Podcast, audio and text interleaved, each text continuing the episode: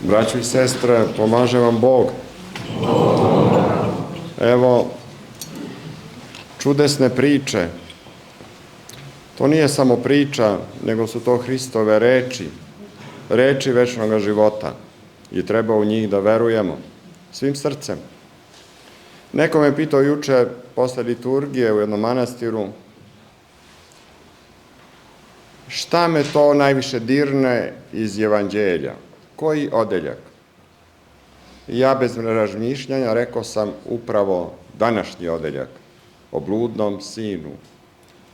Jer svako od nas, ako ne nađe sebe u ovoj priči o bludnom, izgubljenom u prevodu sinu, onda nešto s njim nije u redu. Daleke 85. godine živeo sam u Svetoj zemlji malo duže.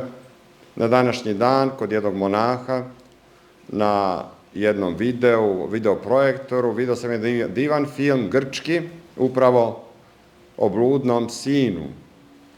I dan danas eho glasa očevog i sinovljevog, to jest bludnog sina, ostao je negde u mojoj duši. Pa ja bih hteo baš to da podelim, jer to će biti jedno veliko objašnjenje sve, o sve o cele ove priče. Kada je bludni sin potražio svoj deo imanja, otac mu je, iako žalosno, dao.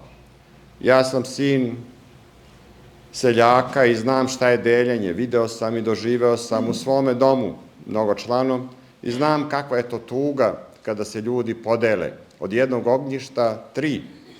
Eto, i ovaj bludni sin uzo je svoje, svoj deo i otišao u daleku zemlju. No, kad je izašao, kako ovaj film divni prikazuje, na jedno brdo, on je počeo da viče, ime je Lefteros, ja sam slobodan. I eho je ispunjavao sve praznine oko brda, ja sam slobodan. I umesto da je postao slobodan, on je postao rob. Rob svojim strastima, rob đavolu. A danima je otac svako veče se peo na brdo i rukom upirao oči u daljinu, očekujući da mu se sin vrati. Šta je pouka ovde? Da kada se mi odelimo od oca, to jest kad odemo od gospoda u daleku zemlju kuda nas vode svoje strasti, na kraju, kao i ovaj bludni sin, postanemo svinjari. Svinjari, to je najprljaviji posao, to je kada čovjek upadne u najgore strasti, kada se potpuno udalje od gospoda, postane gladan, jer nema hrana nijedna koja može da utoli telo izuzev reči Božije.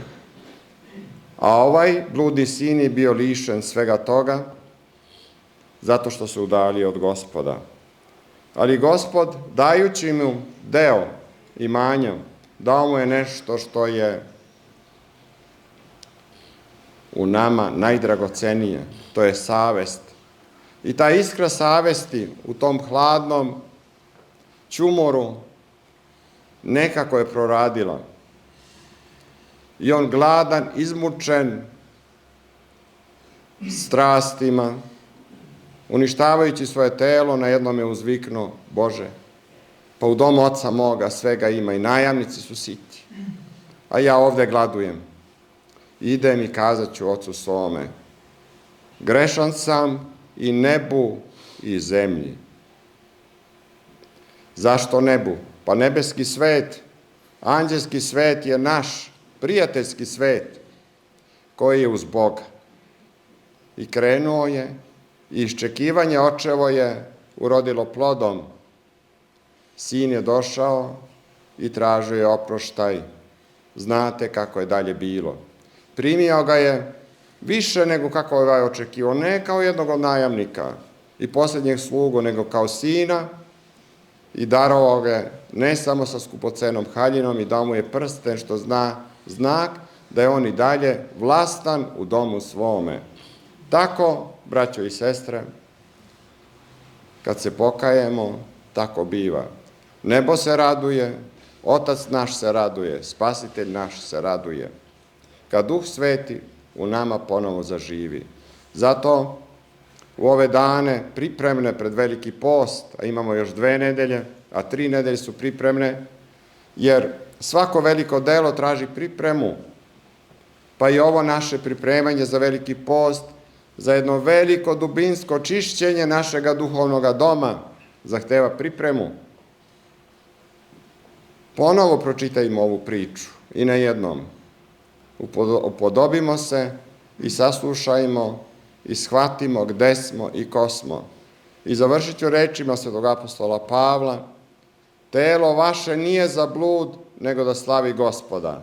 I ništa ne razara telo kao blud. To znači izgubljenost. Tu se potpuno čovek gubi. Neka nam gospoda snage da shvatimo naše unutrašnje stanje, da shvatimo gde smo to pali i da ustanemo uz pomoć Božiju. Neka ste blagosloveni.